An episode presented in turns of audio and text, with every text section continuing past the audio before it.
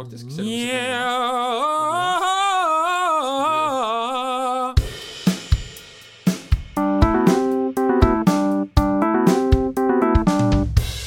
Den gang da.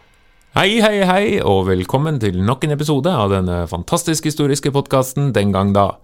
Yes, og i dag er det som vanlig Jørgen og Hans som sitter eh, ovenfor meg, og vi skal snakke om historie. Hei. Hei. Hei. Sitter i en slags trekant. Ja, det gjør vi, og vi skal snakke om eh, I dag skal vi snakke om eh, noen gode ideer, eller dårlige ideer, det kan jo diskuteres, men vi skal snakke om eh, idéhistorie, men vi skal snakke litt mer spesifikt om de tre store eh, antikke filosofene. Vi skal snakke litt om filosofi, så dette er jo en gavepakke til alle dere som eventuelt må ta X-Fil på Blindern, jeg antar at, eller på, på, trodde jeg skulle si universitetet. På nytt. På universitetet. Eh, de jeg, fleste vil, blir overraska over det. jeg vil vel anta at de aller fleste må ta det fortsatt. Nå er det jo lenge Ja, siden jeg tok X-Fil, men eh, Hvis de skal gå til universitetsstudium, så skal de det. ja. tror jeg.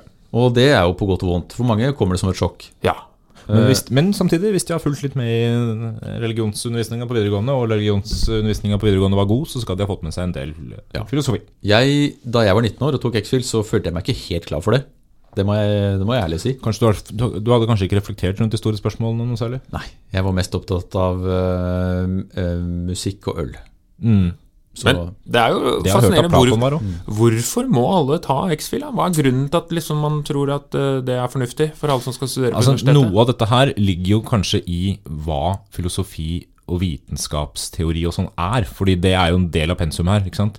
Logikk har vært en del av det tidligere, men, men grunnlaget, altså det å tenke på å gi svar på, på store spørsmål som eh, angår og berører mennesker, berører mennesker eh, på en grunnleggende måte, det er, det er jo noe som har opptatt menneskene i hver tid, og kommer til å fortsette å gjøre det, så det må jo være derfor. Ja, og så er det jo en del av det gamle dannelsesidealet om hva universitetet er. Og Ja. det var jo ikke en utdanningsinstitusjon, det var jo en dannelsesinstitusjon. Og da må man jo lære seg de gamle greiene som man snakker om på fest. ikke sant? Du må kunne, du må kunne konversere dannet, Ja. og da må du kjenne til hva filosofi er. Idéhistorien. Og man må jo så lære seg å tenke abstrakt om uh, mange ting, Mm. og tenke på en uh, filosofisk måte om uh, Ja, og man, Ja. og man, man, man sier jo på en måte det, det er filosofi, så hvis man, ikke er, hvis man ikke har lest filosofi, så tror man ikke at man vet noe om filosofi. Men det er jo i bunn og grunn de Det er jo vanlige spørsmål. Ja, hva er filosofi? Ja, altså det er mange jeg ser, eh, Da du satt og fjasa i stad, så sa jeg det, så lytterne har allerede hørt det. Men jeg kan si det en gang til til deg. Nei da. Eh, det, altså, det er forskjellige svar på det, men altså, i ordet så er det kjærlighet til visdom. eh, filosofi. Men eh, det kan, vi kan jo si det litt mer presist. eh, altså der Jeg skal sitere en eh, en eh, norsk forfatter, eh, filosofiprofessor vel, som heter Stigen, som har sagt at det er forsøket på å gi begrunnede svar på spørsmål som på grunnleggende måte angår og berører mennesket i dets tilværelse. Ja. Ja. Så det, det, skal, det er store svar på store spørsmål, eller i hvert fall spørsmål, da. Ja. De fleste, ja, de fleste har jo lurt på hvem man er som menneske, hvorfor man lever, eh, hva er meningen med livet Altså type sånne spørsmål er jo filosofiens grunnstein. det, det er en filosof uh, som heter Russell, som har sagt at, eller som eh, skrev en forklaring på dette i en bok han ga ut, uh, der han sier at filosofi er liksom det som ligger mellom vitenskap og religion. Så der både religion og vitenskap, ikke det, det de to i på hver sin, i hver sin retning ikke forklarer, det er filosofien. Ja. Altså, det- Men kan man ikke si at religion til en viss grad også er, en, eh, er filosofi? Jo, Religion har mye filosofi. Svarene på de store spørsmålene ja, osv.? Men, Men- ja da, det, det er sant. De, men- de, de tilbyr noe av det samme, men filosofi er ikke nødvendigvis knytta til religion. Nei. Og ehm, filosofi Det er jo Altså, man kan jo utdanne seg til filosof eh, i Ja. dag også. Ja. Og jo, man kan jo jobbe som filosof. Ja. Og det er jo stadig mer eh, aktuelt at store selskaper har filosofer som eh, hjelper de til å ta etiske beslutninger og begrunne etiske beslutninger. Ja, og ikke minst altså etisk den delen av filosofien som behandler etikken. Ja. Fordi filosofi har jo behandla noen store ting opp gjennom, eller temaer opp gjennom åra. Det er bl.a. etikk, etikk, og så er det estetikk. Altså det som er pent å se på, hvorfor det er det. Og så har du epistemologi, altså ideen om tilegnelse av kunnskap, om hva som er sant. Eh, og, og når man jobber, altså Særlig etikken, da, som du sier, er jo noe av det som kanskje er viktigst i filosofiens eller for filosofiens verdi for vanlige folks liv i dag. Fordi eh, Et, et, ja, et konkret område nå som vi er i koronatid, er jo hvem skal få vaksine først. Ja. Der kan en filosof ha noe å si. Hva, Ja. For hva er viktigst i et samfunn? Hvis man klarer å løfte blikket og si noe om, Ok, er det viktigst at det er de gamle og syke som får først, eller er det viktigst at helsepersonellet først i et større samfunnsperspektiv? Og Da kan man stille etiske prinsipper da, som, som grunnsteiner for hvordan man skal ta en riktig og god og veloverveid avgjørelse. Ja. Så um, Men vi skal snakke om historisk, da. Det skal filosofi. Vi. skal jo tilbake til gamle dager. ja, Gamle, gamle dager. Når begynner man å filosofere? Jeg, jeg, altså, sånn, som å tenke over tilværelsen, eh, så tror jeg man har gjort det alltid. Ja. Eh, Men det vi ser, er at eh, hvis vi tar i europeisk sammenheng, da for vi, i hvert fall hvis man er menneske. I hvert fall hvis man er menneske. Ja, da, eh, evnen til det. Men hadde man hadde gått til Asia, så kunne vi fått andre svar, og vi skal ikke gjøre det akkurat nå. vi kan gjøre det en annen gang. Men går vi til Europa, så ser vi hvordan man får en kulturblomstring rundt Egeerhavet, altså Hellas primært, rundt, rundt eh, 600 før Kristus, der vi ser en fremvekst av kunst, naturvitenskap, matematikk, medisin, filosofi, historieforskning, eh, som er interessant for oss. Og vi ser også en overgang fra de gamle mytiske religiøse forklaringene til de mer logosbaserte, altså logiske forklaringene på på verden rundt oss. Eh, naturgitte, ikke naturgitte, men naturlige forklaringer. Og det er noe av den filosofiske og vitenskapelige, la oss kalle det, eh, omveltninga som vi ser da. Ja, og vi skal jo til Hellas, eh, eller til eh, de greske bystatene, og vi skal til eh, Aten. Ja. Og, Og- der var det jo en mann med skjegg. ja, det var kanskje det. Men eh, Det var sikkert flere menn med skjegg der. de fleste eh, hadde skjegg. Eh, men jeg tenker at du siktet sikkert til Sokrates. Nei. Du gjør ikke det? Jo da. Nei da, for du kunne jo sikkert også tatt eh, noen av de andre før Sokrates. Men, men Sokrates er jo en av de første Altså ikke en av de første, det er han på ingen måte, men han er en av de største eh, filosofene innenfor det vi kaller um, Ja, det er feil å kalle det moderne, men mer eh, en ny retning innenfor filosofien. Altså Før Sokrates, som vi skal si mer om, så, så har man hatt eh, eh, spede forsøk på filosofi, og det å kombinasjon av filosofi og naturvitenskap, ideen om å finne liksom hva som er urkraften i naturen, og hva alt kommer av, og du har uh, en haug med folk som driver med det, som er kjent innenfor andre fagfelt òg, f.eks. Pythagoras og eh, Altså fant opp trekanten, Altså fant opp fant opp tre- trekanten, ja, og Parmenides og Heraklit og sånn, Thales fra Millet, en del sånne folk. Men Sokrates er den første som driver med den filosofien som vi kanskje kjennetegner som ja, i hvert fall den første vi Altså, det, det som er problemet, er at det har sikkert vært mange som var mye smartere enn de vi veit om, men det er mye som sikkert har gått tapt. Det er det òg. Og så er det også noe med det at Sokrates eh, introduserer noe som blir eh, litt mer varig, mm. og som eh, levner eller legger etter seg en stor arv da, hos Ja. seinere filosofer også. For Sokrates må vel kunne sies å være den mest kjente filosofen, vil jeg anta. Ja, For de aller fleste kjenner Ja. jo til Sokrates. det gjør nok det. Uh, Hva var det med han som gjør at han har fått så stor betydning for ettertiden? da? Sokrates er jo eh, Han er en som eh, Altså, det, det er vanskelig å starte når du skal snakke om Sokrates, for han er så mye. Men han er jo først og fremst kjent gjennom sin elev Platon. Ja, men vi, det, det er klart. Ja, men jeg ser for meg Sokrates som en fyr som går rundt da i Atens gater og stiller irriterende spørsmål. ja, for det er det han gjør. ikke sant? Og det er han er. derfor, og det er derfor også jeg Kanskje er derfor han husker så godt, for han var såpass irriterende. Nei, men han, han gjør noe som ikke var så vanlig, og det var å så tvil ved etablert kunnskap. For han, i motsetning, altså, En av um, de tingene Sokrates slår seg opp på, det er jo å være kritisk til det som kalles sofistene. Altså de, de gamle filosofilærerne som på den tida um, til, uh, altså, tilbød svar på store spørsmål. Og Sokrates er negativ til det konseptet om å ta penger for å gi svar på spørsmål. Eh, og det er uffa meg, tenk å gjøre det. Det er jo ikke det vi driver med vanlig til daglig. Eh, ta betalt for undervisning. Eh, så Sokrates, altså, og det er for øvrig veldig rart, fordi vi eh, driver og fremelsker Sokrates og, og er enig i at han skal være negativ til eh, sofistene. Det er sånn jeg husker all mulig filosofiundervisning jeg har hatt. Men er det noe lærere gjør i dag, så er det selvfølgelig å ta betalt for å gi svar på Ja, spørsmål. det er det Det er jo bare det læreryrket er, eh, mer eller mindre. Vi gjør ikke, Men, ikke det i denne podkasten, da. Da kan du Vi bare, betalt, nei. Det, Nei. det, det da kan du jo bare tilegne deg kunnskapen hvis du hører på. Ja. Men det han gjør, er at han stiller spørsmål, og han stiller spørsmål til folk som lurer på noe. Eh, Det som kalles den sokratiske metode, eller sokratisk samtale. Så han er en irriterende type, går rundt Fordi de, de altså, verkene For han skrev jo ikke ned, men det er skrevet ned samtaler, da. Ja, han- og om det er han som har hatt de samtalene, eller noen andre som skrev det, er det vel litt det tvil om. Men at det, i hvert fall det som er kjent, er jo disse dialogene, da. Det er vanskelig å, å skille Platon fra Sokrates, fordi Platon skriver om Sokrates i sitt hodeverk 'Staten'. ikke kan gå tilbake til Platon etterpå, da, men, men Sokrates er så kjent fra, så vidt jeg klarte å finne, fire kilder. Eh, Platon er en av dem. Og så er Xenofon, eh, gresk forfatter, som fremstiller Sokrates i samtaler. Trodde det var sånne instrumenter? Ja, det på- ligner fælt. Og her er Sokrates en sånn dydig og lærd person, som er sånn, litt mer vis. Eh, og så har du Aristofanes, som er komedieforfatter. Og dette er den eldste kilden vi har til Sokrates. Og her skildres Sokrates som en sofist, faktisk. Ironisk nok. Eh, eh, og så kjenner du da eh, Platon gjennom Aristoteles, nei, unnskyld, Sokrates gjennom Aristoteles. Og i Platon og Aristoteles sine kilder så er Sokrates den ironiske typen som, som du beskriver, Henning. At han går rundt i Atens gater og ikke gir svar, men stiller spørsmål. og, og måten han gjør det på, altså som Hans også nevner her, at det er, han er ofte ute etter etablerte sannheter. Og han stiller kritiske spørsmål, eller det som i utgangspunktet virker som ufarlige spørsmål, da, til personer som er viktige på en eller annen måte. Og så får han dem til å reflektere gjennom å stille spørsmål, og så vikler de seg inn i stadig mer umulige resonnementer som får dem til å framstå dumme, som får dem til å si selvmotsigende ting osv.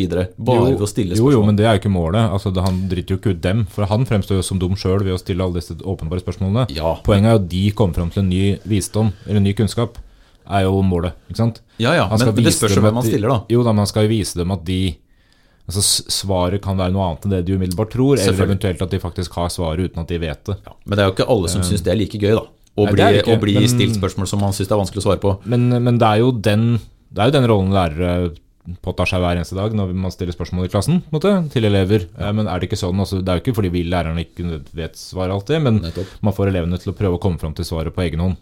Ja. Eh, Og noen kan selvfølgelig oppleve det som at man prøver å sette dem ut, selv om det ikke er målet. Ja, Nå, nå har jeg kanskje foregriper jeg kanskje dagens ord her, men jeg har et navn på den sokratiske metode. Altså, eh, Sokrates snakker om at all kunnskapen finnes i menneskene. Man må bare forløse den Ja. som en jordmor, og det som kalles majevtikk. Mm. Eh, og da stiller man spørsmål fordi man forventer at svaret allerede finnes hos dem man stiller spørsmål hos. Og det er en, det er en, det er jo noe du kjenner, eller dere kjenner dere igjen i når man får spørsmålet Kan ikke du, hva, hva, hva svaret på den oppgaven her? Så er det typisk lærersvar at man sier ja, men har du, har du tenkt på, har du tenkt Jo, på det? Også, ja, Og på hjelp kan du ikke bare si svaret, da? Kan du bare si svaret? Ja, forskjell på hjelp og veiledning. ikke sant? Du veileder noen fram til svar. svar. Men, eh, men Sokrates mente jo da at det uutforska livet ikke er verdt å leve for et menneske. Eh, Så grunnlaget for liksom den, den ideen om disse stilleste spørsmålene rundt livet eh, ligger jo da i, i en del av de sokratiske tankene. Men Åssen gikk det med Sokrates? Nei, han, han, han er jo Altså, vi har begrensa med kunnskap. Eh, disse kildene sier mye om, eh, mm, om filosofien hans. Altså. vi, vi vet noe om eh, Sokrates også som person. Han var bl.a. med i Peloponnesekrigen som hoplitt. Så han var også soldat på et tidspunkt. Var også i Ja, fordi Vi er jo i Aten, men Ja. når sånn cirka er vi? Ja, han 469 til 399, altså tida går baklengs, da, siden det er før vår tidsregning. Eh, fra, fra Aten. Eh, gift med Santippe. Eh, morsomt navn med X. Eh, ofte brukt i eh, ordbøker for barn for å bruke ordet, bokstaven X. Eh, men eh, etterlot seg Ikke de ordbøkene Nei, eh, sylo, Xylofon er vanlig. Ja, xylofon. Bruker ikke de sokratiske barnebøkene?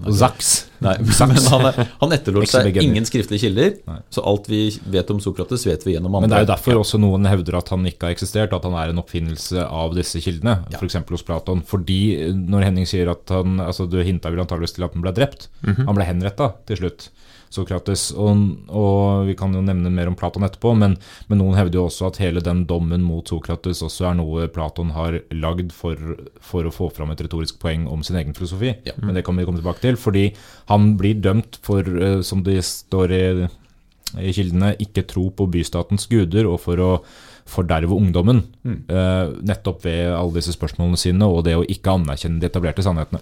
Det går- uh, det og han dømmes til døden. Det går jo an å se for seg at han, at han ved å gå i disse gatene også og stille spørsmål ved alt mulig, også kan bli sett på som en slags oppvigler. da som, eh, som, Ja, som forsøker å, å avkle makten eller osv. Mm. Um, men eh, som du antyder, Henning, han ble jo og du, Hans, eh, han, han ble jo da dømt til døden. Og så holdt han en legendarisk forsvarstale som er bevart. Jeg har et lite utdrag fra denne talen som jeg har tenkt å lese for dere. Gjør det. ja eh, og da kan du på en måte tolke hva, slags, eh, hva han vil da, med denne forsvarstalen. Fordi mange mener at ved denne forsvarstalen så gjorde, det, gjorde han det selv enklere å bli dømt, fordi han framsto litt arrogant. At han, han, eh, han, ikke at han hever seg over andre, men han vil forsøke å dra de andre med ned til seg, altså i, i status. da. Så han sier men det som jeg alt har sagt, at jeg er blitt lagt for hat av mange, vet dere godt er sant. Og det er dette hat som vil felle meg dersom jeg blir dømt skyldig, ikke mine anklagere, men mengdens hatefulle fordommer. Slike fordommer har før felt mang en hedersmann, og vil nok gjøre det også i fremtiden. Det er ingen fare for at jeg blir den siste. Så han snakker om at ok, dere kan dømme meg nå, men dere er ikke noe bedre sjøl. Og med det da så mener mange at han på en måte gravde sin egen grav og la opp til at han skulle bli dømt til døden. Men om det, om det er Ja, du, du antyder Hans at dette er et retorisk poeng. Og, mm. og Sokrates må på en måte gå ned med flagget til topps for at han skal forbli denne filosofiske skikkelsen. Ja, altså det, Ifølge kildene så, så, får han jo også muligheten til å stikke av og landsforvises, øh, men han nekter å, å, bryte med dommen som er gitt ham. Han skal på en måte, Når han først har blitt dømt, så skal han dø. Uh, rent prinsipiell idé. Ja. Uh, så, så, han er jo så Også døden hans fremstår som et sånt ideal. Mm. Så er det viktig altså, uh, altså Han er jo i Aten hvor det er en form for demokrati, for det er vel også en forutsetning her for, ja, ja. for Det er jo det er kanskje paradokset han blir dømt for å på en måte forderve ungdommen og, mm. og gå imot gudene, men den frie samtalen er jo et, ideol, er jo et mål i i eh, demokratiet i Aten. Mm, altså mm. I et demokrati fordrer jo at man uh, kan diskutere. Mm. At man kan bli enige om ting, og at man kan legge fram sitt syns, sitt sin mening da, om, ja. om, man skal gå til krig eller om hva det skal være. Og så blir jo dette også videreført over til mer filosofiske store spørsmål. Mm. Ja, og det er en veldig spesiell periode av historien her. Altså, det det. Demokrati er jo en sjeldenhet, og man, det er jo her på en måte, den spede begynnelsen er. da, ja. hvor, hvor, man, hvor, man, har et ganske ekstremt form for styresett, hvor, hvor, loddtrekning avgjør hva du ender opp som i styresettet. Ja, men samtidig så er jo også Sokrates såpass sent ute at, at det er jo også en sånn ganske opprivende tid i demokratiet i Aten, mm. hvor du har, eh, du har, en del eh, alternative styresett i Aten eh, til og fra som, som gjør at, at, det er ikke så uh, Hva skal man si Det er ikke så lett føre for demokratiet som det var litt tidligere. Nei. Men det som kanskje er viktig, for nå er vi under det som er klassisk tid, da, hvor, mm. hvor, dette har blitt normsettende for altså Nettopp fordi man må fortsatt en dag i dag lære om dette når man går på ja. universitetet. Dette har jo vært formgivende for eh, vestlig sivilisasjon og idégrunnlag for, for mye av det som vi bygger vår moderne forståelse av verden på. Mm. Og, og, vi er jo fortsatt ikke kommet til kremen her, fordi det kommer to etter Sokrates som jo er vel så viktig for uh, det, det, samfunnet som vi bor i i dag. Da. Mm. Ja, og som er, langt, som er, langt, mer konkrete i sin filosofi ja. enn det Sokrates jo er, ja. bl.a. pga. kildetilgjengeligheten. Den gang da. Ja, for da kan vi jo gå til uh, Platon. Ja, og Platon er jo Sokrates sin elev, og da den, en av de viktigste kildene vi har til Sokrates. Uh, Sokrates Platon skrev om Sokrates, og som jeg nevnte i stad, det, det, er litt vanskelig å skille dem fra hverandre. Hvem er det som mener hva? Er det Sokrates som mener dette, og Platon som forteller, eller er det noe de begge mener? Uh, men den kanskje viktigste kilden vi har fra Platon, det er staten. Og det er hans hovedverk, som handler om hvordan han mener en idealstat skal være. Den er spennende for øvrig. Det er mye bra i staten. Skulle ikke tro han var fra Aten. Eh, kunne like godt vært fra Sparta. Ja, han er jo, for det, bare for å si noen ting, da, han er jo for det første ikke så veldig interessert i, eh, i, i demokratiske prinsipper. Altså han, han mener på langt, eh, langt, på vei at staten bør organiseres veldig strengt.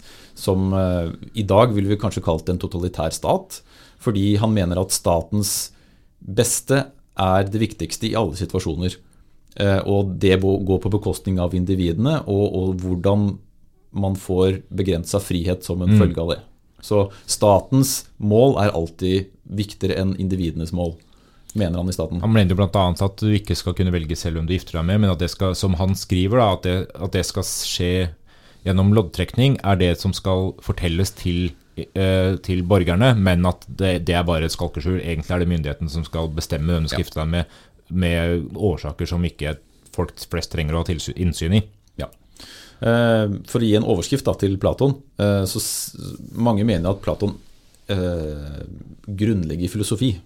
Ja, annet fordi han jo grunnlegger akademiet i Aten. eh, denne store skolen, som, og den holder å gående lenge etter Platons død. Altså. Eh, og Der undervistes det i matematikk, fysikk, astronomi, og filosofi og retorikk. Eh, samtidig så har han et ganske sånn snevert syn på hva utdanning er. for Han, han er ikke spesielt opptatt av praktisk kunnskap, f.eks. Eh, men, men er veldig opptatt av disse store eh, vitenskapene. Eh, og særlig matematikk er for, og filosofi selvfølgelig er viktig for, for Platon. Ja, og Platon kritiserer også sofistene da, for å drive med det han kaller for forførende virksomhet uten moral. Altså de som bare er ute etter å argumentere for et, for et syn, Ja, uavhengig av hva verdien bak er. Samme, samme som med Sokrates da gjør. sant? Ja. Eh, han skrev en rekke tekster. altså I motsetning til Sokrates så er han veldig produktiv, eh, og er altså da Sokrates en elev. Eh, og han sier mye i staten om hvordan etikk og filosofi henger sammen. Eh, blant annet at man skal Han snakker om det som Aristoteles bygger ut senere, det som kalles for dyd. Han er veldig opptatt av balanse. Og at en optimal stat den fungerer på den måten at den har god balanse mellom de menneskene som lever i staten. Og for at de skal virke på sitt beste, så må de være på riktig sted. Ja. Og eh, da mener han at tenkerne, altså filosofene, de skal være på toppen av samfunnet. Eh, og da har de da, fordi de har dyden visdom, altså en dyd er en slags egenskap, i mangel på bedre ord. Eh, voktere i midten, altså som en mellomklasse, fordi de har med da dyden mot. Mens produsentene er på bunnen, og de skal ha da be- besinnelse. Altså, han, og så rangerer han det i den rekkefølgen. Altså De viktigste er tenkerne, de nest viktigste er vokterne, og de tredje viktigste er produsentene. Og Hvis man som menneske fungerer på sitt beste, så må man også være i den riktige klassen. Da blir sjelen din lykkelig. Ja, du, og, og dette her infiltrerer jo det han, eh, det han lager som et utdanningssystem. ikke sant? At du, du får en viss utdanning, og så hvis du er skikka til å få mer utdanning, så gjør du det. Og, og hvis ikke, så hives du ut, og så ender du opp i den rollen du da Ja. på det nivået du da er på. Og det er få mennesker som, er, som han innvilger rettigheten til å være helt på toppen, som tenker eller filosof, da. Men det er også de som skal være ledere i samfunnet. Det er rart med det at man, eh, den gruppen han er medlem av, er skal, greier. er en del av, skal Ja, Det, det passer jo bra. Eh, Men, men man kan jo kjenne seg igjen i det. da at, eh, Hierarki, ja. Ja, er van- vanlig. Men bare på yrkesutøvelse, da. Mm. At eh, man, man Jeg har jo bare valgt eh, ett yrke. Eh, så jeg, vet, jeg snakker jo bare på mitt, for mitt eget yrke, men hvis man, hvis man skal fungere på sitt beste, så må man jo trives med det man driver med. Ikke sant? Og, og om, om det er tenker, vokter eller produsent, det er på en måte likegyldig. Poenget er at du skal være et sted hvor du mestrer din, ditt eget liv. Og det kan man jo trekke med seg Men- som et ja. eh, Men, men Platon, han eh, vi, vi bør jo si noe om altså La oss se på menneskesynet, eller fordi dette henger sammen med nettopp den politiske delen av, av, eh, av eh, filosofien hans. For, fordi det er bare noen ytterst få som har muligheten til å få disse filosofiske innsiktene. Og hvilken innsikt er det han mener at disse ytterst få kan få? Og det er jo innsikten i at det vi observerer rundt oss, bare er eh, skyggebilder av noe annet, og at vi ikke kan vite noe om verden vi observerer. Det kan vi bare anta. Ja, og det, Dette henger jo sammen med hvordan eh, Platon mener man tilegner seg kunnskap, eller hva, hvordan verden er satt sammen. Og han er såkalt dualist, altså han deler tingene i materielle og, og eh, mer abstrakte fenomener. At det vi observerer rundt oss, det er bare illusjoner, det er bilder som er kopier av den egentlige verden, som er en idéverden. Og den har du bare tilgang til som filosof. Eh, og han har jo den berømte hulelignelsen sin, eh, hvor, han, hvor han beskriver dette fenomenet som at eh, skal, vi, skal vi kjapt ta den? Ja, ja, Ja. lurt. det. Ved at um, inni en hule sitter det mennesker og ser skyggebilder på en, eh, på en vegg. Uh, de selv vet ikke at disse er skyggebilder. Det er det eneste de kjenner til. Det er deres verden. Før én av disse som sitter her, snur seg og ser at dette er skyggebilder som blir fremført eller laget av noen mennesker som står bak ved et bål, og så viser de skyggebildene på hulen. Så krav, ja. Ja, og Dette høres jo ganske fjernt ut kanskje for mange i dag, men dualismen er jo det som lever videre i både beste velgående, men eh, også etter tiden etter. altså at det med tanken om sjelen, ikke sant. Ja, ja, ja. Det sjelelige, du har det materialistiske som er der, og så har du om det da er Gud eller Mm. hvem det er som bestemmer, men den sjelige, det åndelige. Mm. Og det er jo den viktigste verdenen. Ja, det er den Og- reelle verdenen. Og det, det, det, det er jo mange som mener det i dag òg. Og Platon mener jo at sjelen da nettopp hører idéverden til, ikke sant? på samme måte som, eh, det har blitt videreført inn i de store religionene, der kristendommen f.eks. ser på sjelen som noe som kommer til himmelen. ikke sant? Nok et eksempel på en dualisme, jorda mot himmelen. Eh, og at kroppen alltid er den syndige delen, men sjelen er den opphøyde åndelige. Ikke sant? Vi kan bare ta, gjøre det ferdig da med Hullingsen. at Hvis du da stille, hvis du først snur deg og måtte stille spørsmål ved din egen Ja. tilværelse, da, så kan du komme deg ut av hullen Ja, og og komme opp i dagslyset hvor du blir blendet av solen, fordi dette er en helt annen type verden enn Og du, du solen har som den ytterste idé, ikke Ja, ikke sant? Og da, da kan man se dette som en slags sånn filosofisk reise. At hvis du stiller spørsmål ved tilværelsen, så oppdager du også at verden ikke er som den er. Hvis, hvis dere har sett eh, ja, hvis dere har sett Matrix, eh, så er det en parallell som kan brukes her. Da, for Ja, ja, at du stiller ikke spørsmål ved er etablerte sannheter. Men, så, men for å trekke en parallell til Sokrates her, da, så ser vi hvordan eh, Platon beskriver hva som potensielt skjer hvis denne fangen som da har fått en ny innsikt og sett ideene for det ideene er, går tilbake i hula igjen og prøver å overbevise folka der inne om hva som har skjedd, så er det dyp forvirring. Han er blenda av lyset og samtidig klarer ikke å se i mørket lenger, så han klarer ikke å snakke deres språk, nesten. Klarer ikke å gjøre seg forstått. De blir forbanna, og de dreper han. Og dette her er jo mange som tolker det som et bilde på det samme som skjedde med Sokrates. At han blir drept for å, for å være filosof. Og det er vel også, kan man jo anta at Platon altså Selv i dag er det jo på en måte en, hva skal jeg si, en, en håndfull å prøve å forstå hans bilder, men på den tiden hvor eh, kanskje ikke utdannelsesnivået var like høyt som i dag, at mange som syns han Hva er det du Hva rabler om? Dette er jo skrevet for, for få personer. Ja, ikke og hvordan i all verden har du fått ideen om dette her? Så det er jo en sånn elitisme også, ikke sant? at han føler seg kanskje veldig hevet over veldig mange andre. Det skal også sies at Platon trekker jo ikke det her rett ut av hatten eller ræva eller noe sånt. Han har jo kilder, han òg, hvor han har latt seg inspirere av tidligere ideer. Eh, Så, så det er ikke sånn at det her er helt nytt, men det er relativt nytt i hvert fall. Men det er morsomt å trekke de parallellene da, mellom sjel og kropp. Hvordan, som du sier, Henning, at sjelen er på en måte det viktigste. At uh, eh, han, han er skeptisk til sansenes egenskaper til å tilegne seg sikker viten. Altså Det du observerer, er bare en kopi. Det er sjelen som, som, som jeg- sitter på det, det rasjonelle tankegangen da, som kan gi deg fornuften din. Det er Det er- den som er tilgangen til kunnskap. Det er et interessant perspektiv, fordi han, han, han underbygger det jo med at alt du ser driver og endrer seg hele tida. Så hvordan kan du ha sikker viten om hva du ser rundt deg når det ikke er konstant? Et, eh, en blomst eh, begynner som frø, blir blomst, visner og dør. Eh, hvordan kan du da vite hva en blomst er, hvis den hele tida er forskjellige ting? eller var et menneske. Ja, For menneskene forandrer seg hele tiden. Det eneste som ikke er foranderlig, er jo da sjelen som vil tilbake til idéverden, og som da også vet noe fra før, fordi sjelen kjenner ideene. Og når du lærer deg noe nytt, så erindrer du det bare. Og der er vi tilbake til Sokrates igjen, ikke sant. Fordi du, du, du bare får en eh, ny innsikt i den samme kunnskapen. På samme, på samme måte så mener jo da nettopp da at Platon at matematikken er den høyeste form for kunnskap, fordi den er uforanderlig. Ja, den, den er der, og den, den kan du bruke Den er ikke noe du altså Det er et slags overhøyd prinsipp, da. Ja, ideen, matema, ideen ja. er lik uh, konseptet. Ja, interessant nok er jo også dette dualismeperspektivet finner du også i synet på kropp. Eh, At måte, han, han, han plasserer eh, eh, produsentklassen nederst, og de skal besinne seg. Fordi de skal ikke spise for mye, de skal trene passe mye, de skal ta vare på kroppen sin. Dette er et ideal. Måtehold kalles det. Ja, måtehold, måtehold er hele, hele nøkkelen til etikken til Platon. Men det henger jo også sammen med hvordan han ser på kjærlighetslivet. Altså det som han kaller, altså Ordet platonsk kommer jo nettopp fra det at man det finnes en høyere form for kjærlighet som ikke er den fysiske, men den metafysiske, altså den sjelelige kjærligheten. Det er det som er mellom oss tre, er det ikke? Eh, jo. Ja, det ble litt sånn awkward. uh, seanse her, Det er ikke veldig fysisk. Det, det må vi Men si. sant, så man kan på en måte hige etter en, en, en renere form for kjærlighet da, som kommer etter forelskelsen. Så kommer på en måte den dypere kjærligheten hvor du, hvor du er sammen i sjelen. Ja.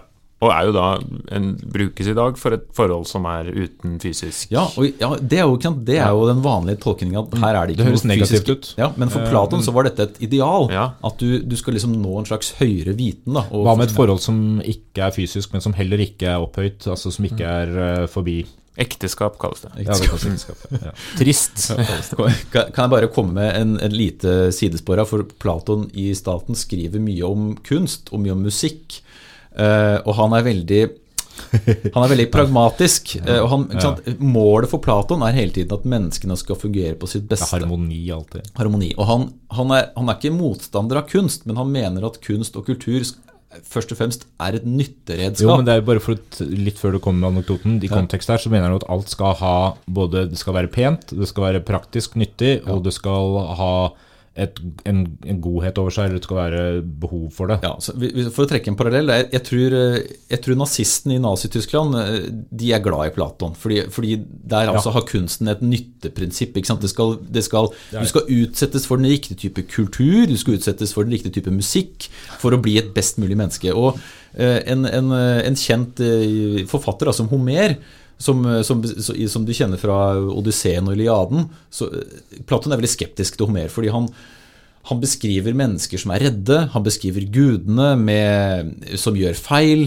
Og hvis mennesker leser dette, så kan de bli redd for døden, de kan bli dårligere mennesker, så man bør ikke utsettes for, den, for gal type kunst. Og han trekker dette altså så spesifikt inn i hva slags type musikk du skal utsettes for. Og ikke bare det, men hva slags type instrumenter du skal høre på.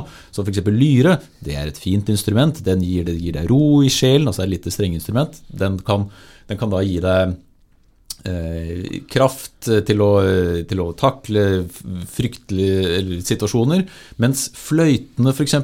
Blokkfløytene, alle som har spilt blokkfløyte på barneskolen, de vet jo at det er et skrekkelig instrument. Eh, men, og for Platon er det et forferdelig instrument, fordi den, den opp, oppfordrer deg til dans og fest og allting som kan minne om overforbruk, eller at du ikke er i balanse. Så han skriver at fløyten den kan gjeterne ha for seg selv ute på markene. Den er ikke noe man skal ha i Sjelden, delstaten. sjelden jeg har vært på fest der fløyta blir, hvis det er lov å si, blir dratt fram. men det og, er- og, det, og det blir god stemning av det. Men det er så fascinerende at han, han er så utrolig konkret, helt ned til hva slags type skalaer man skal utsettes for. Ja. Altså kirketoneartene som, vi, som Bach utvidet på i, eh, i renessansen. eh, Barokken, tenker du på? I barokken, med frygisk, lydisk og miksolydisk, og iolisk og ionisk og alle de, de beskrives også med navn i Platon. Altså, Men han er- visse ja, ja. typer tonearter er gode, visse typer tonearter skal du ikke utsette for, for da kan du bli redd. Han er på detaljnivå opptatt av Veldig veldig, mange deler av samfunnet. Alt dette si. for at menneskene skal fungere på sitt beste. Så for, for Platon er på en måte kunsten nyttig, først og fremst. Ja, ja. Fascinerende. Ja. Så eh, vi må jo snakke litt om han som kommer etter òg. Vi, vi kan jo oppsummere etterpå, men eh, for da er det jo Aristoteles. Mm. Er jo også en kjent eh, filosof som vi skal snakke om. Hva er han, Han- mest kjent for? Eh, Det er vanskelig å si, fordi han er kjent for mye. Altså, det som er greia med Sokrates, for å begynne med slutten på, på, Eller unnskyld, Aristoteles, for å begynne med slutten der, så er han kanskje en av de som er kjent for arven han etterlater. Og det er jo nettopp det at han, han introduserer en vitenskapelig tanke eh, som eh, har blitt stående. Han introduserer en logikk som har blitt stående, i hvert fall fram til 1900-tallet, selv om den har blitt utfordra heldigvis senere. Han introduserer eh, ja, etikk som har blitt stående. Um, Ja, jeg har en liten liste her. Jeg prøvde å få samle hva slags fagfelter han har virka i. Så jeg kan bare lese den kjapt. gjør det. Retorikk, filosofi, etikk, skaper logikk som disiplin, naturfilosof, kosmologi, grunnlegger av empirisme, det som ble moderne vitenskap, metafysikk, biologi, psykologi, matematikk, oppfinner, dikter, forfatter Altså, er han er en slags uh, renessansemann før renessansen, da. Ja. In virker innenfor ufattelig mange felter. Men, og det skal sies, på veldig mange av disse feltene så er han så, Og dette her er, jeg sitere noen filosofihistorikere som, som har kommentert, at han på veldig mange områder har, har vært utgangspunktet for en utvikling, men som dessverre stoppa mer eller mindre med Aristoteles. Altså man, man slutta liksom å, å fortsette på tankegangen hans, så han blei på en måte stående som fasit i 2000 år. Men så viser det seg at veldig mye av det han drev med, egentlig ikke er riktig. Altså Veldig mye av vitenskapen hans for eksempel, har feil slutninger. Så metodene kan være fine, men man baserte seg la oss si 2000 eller i hvert fall 1500 år på, på Aristoteles vitenskap, og så er, eh, så er det feil mye av det. Så forskninga hans på en del dyr, f.eks., der man har bare antatt at det stemmer, viser seg at det er feil, fordi han eh, ikke telte beina ordentlig på dyret, så han bare sa at det dyret der har åtte bein, og så viser det seg at det ikke stemmer. Så når man har på en måte bare gått Aristoteles litt etter i sømmene, så er det ikke riktig. Og jeg nevnte i stad en filosof som het Russell, som skrev om Aristoteles at eh, eh, og dette her var vel kanskje knytta til logikken hans, jeg husker ikke, men at eh, store deler av eh, Aristoteles filosofi er eh, feil, og det som ikke er feil, er uinteressant.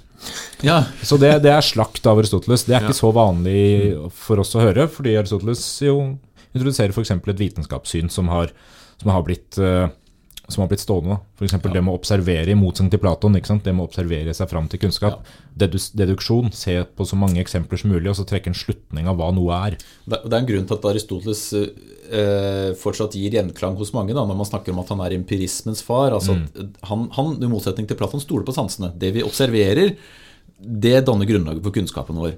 Og eh, Grunnen til at vi syns at det passer, er jo at han er jo nettopp grunnleggeren av vitenskapen. Og det er den, dens prinsipper som, som, vi følger i dag, som kommer delvis fra Aristoteles. Mm. Et annet eksempel da, på at hans vitenskap ble viktig, var jo det aristoteliske verdensbildet. Bl.a. det at, man, at jorden er i midten. som som jo ikke stemte, Nei, men som ble viktig eh, i 2000 år, og som gjør at man kanskje ikke stilte de spørsmålene før, eh, før Copernicus og Galilei og Tycho Bra begynte å også, se opp i kikkerter. Også fordi kirka og alle kristne filosofer seinere prøvde å forene sin teologi med nettopp Aristoteles, ja. istedenfor å prøve å finne på noe nytt. ikke sant? Så, men, eh, men, Aristoteles, eh, i motsetning til Platon, opptatt av observasjon. Og sansing. Ja, og så deler han også alle ting inn i det vi kaller for form og stoff. Ja. Og det er en slags dualisme, det òg, som kan minne litt om Platon. Mm. Um, uh, men, ja, stoff, men, stoffet er på en måte um, utgangspunktet for noe, mm. mens formen er dens egenskaper. Ja. Så hvis du har en, en stol som er laget av tre, så er formen treverk, mens egenskapen er stol. Nei, du mener stoffet er treverk? Ja, ja, stoffet er treverk. Eh, formen er eh, egenskapen stolen har, fargen eh, utforminga. På samme måte som mennesket er delt i kropp og sjel, samme, sånn som Platon snakker om. Men der, men der, Platon snakker om en sjel som varer evig, så, så snakker jo Aristoteles litt uklart om akkurat det. Men at, men at, stoffet er på en måte den fysiske kroppen, mens formen er det som gir mennesket egenskapene, altså sjelen. Men ja. uten stoffet så kan ikke formen eksistere, og omvendt. sånn at så sjelen forsvinner når mennesket dør. Og så rangerte han ting. Han eh, rangerte ting i fire. Altså, ting? Et presist Ja, ting, ja. Altså lavest eh, på lista. Stein og livløse ting. Planter som, der, som del nummer to. Dyr høyere opp, og mennesker på toppen. Fordi de kan tenke rasjonelt. Mm. Og de har da en sjel. Som, som, også de andre har til en viss grad, men menneskene er den rasjonelle i, i hierarkiet. I hvert fall deler av menneskene. da. Slaver har jo mindre sjel, og kvinner også har ja. mindre sjel, fordi de er eh, Ifølge Aristoteles. Ja, uferdig. Ja, for guds skyld. Ifølge ja. Aristoteles. Kvinner er uferdige menn. Ifølge Aristoteles. Uh, I likhet med Platon så var han opptatt av balanse. Uh, han er jo uh, grunnlager av det som kalles dydsetikk, men han bruker mye av Platons filosofi her. Ja, men han går mer konkret til verks. Ja, og han snakker om at hvis du skal bli et dydig menneske, så må du følge dyder. og skal, altså, For å bli et ekte godt menneske, så må du skape balanse i det du gjør. Eh, rettferdighet er en dyd, vennskap er en dyd. Du må ikke være for, for rettferdig, du må ikke være for lite rettferdig, du må ikke være for vennskapelig, ikke for lite vennskapelig. Du må finne en slags middelvei. Mm. Og hvis du gjør det, så klarer du å uh, gjøre de rette tingene. Blir rettferdig. Da altså, blir du rettferdig. Er på rettferd, rett vei mot noe. Ja. Uh, og denne balansen finner man også i hvordan han mener at staten skal organiseres. Ikke demokrati, det, det er for fritt. Ikke tyranni, det er for fast, men i et slags oligarki, hvor du har en balanse mellom frihet og mangel på frihet. Da, mm. da har du et, en, en idealstat. Det har funka mange ganger. Det har funka mange ganger. Mm. Uh, vi kan jo si litt om uh, det historiske også med, med Aristoteles, kanskje. Han, uh, Ved siden av å være elev av Platon, så var han også læreren til en annen kjent fyr. Ja, han, han, er han var stor, ja. ja. Han var veldig stor, ja. Ikke, ikke riktignok da han var eh, eleven hans, for Nei. da var han liten. Da, var han, ja, ja, da het han Alexander den lille. eh, men han var altså læreren til det som ble Alexander den store.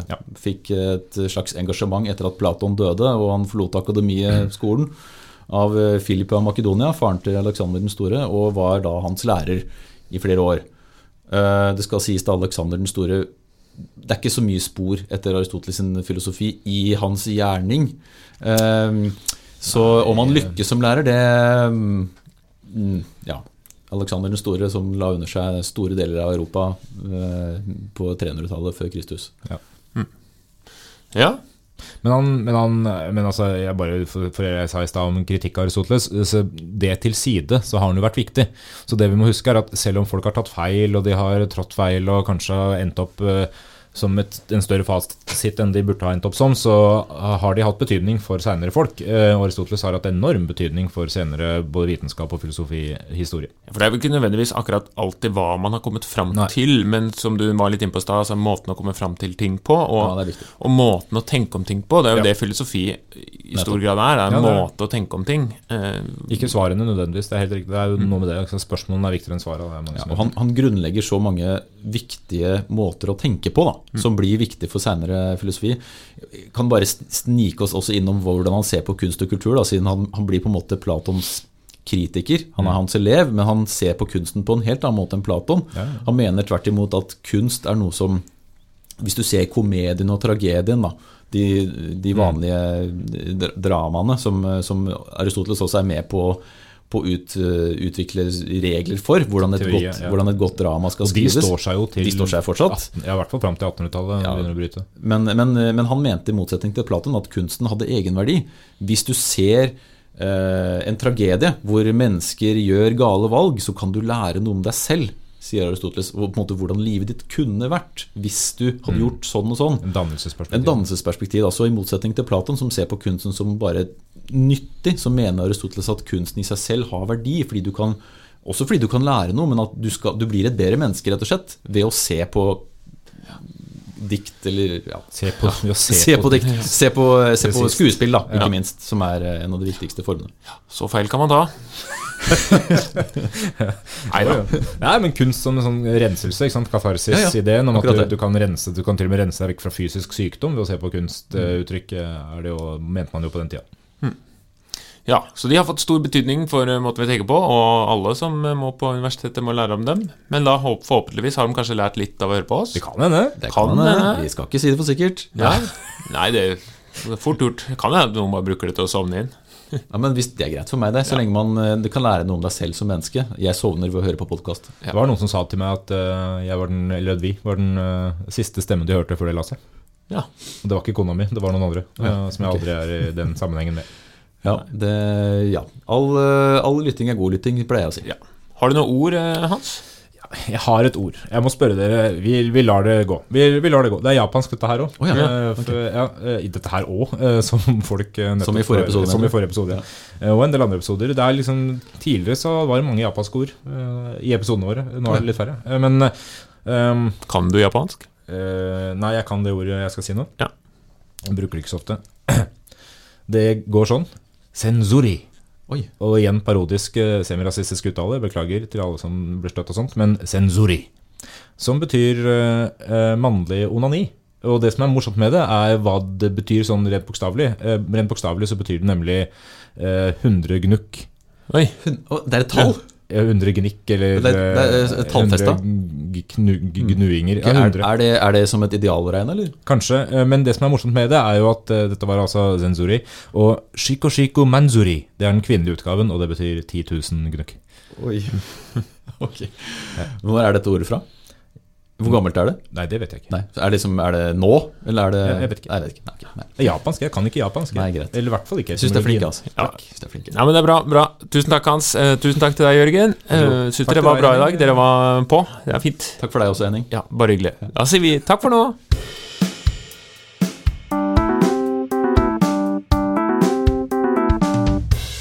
Den gang da.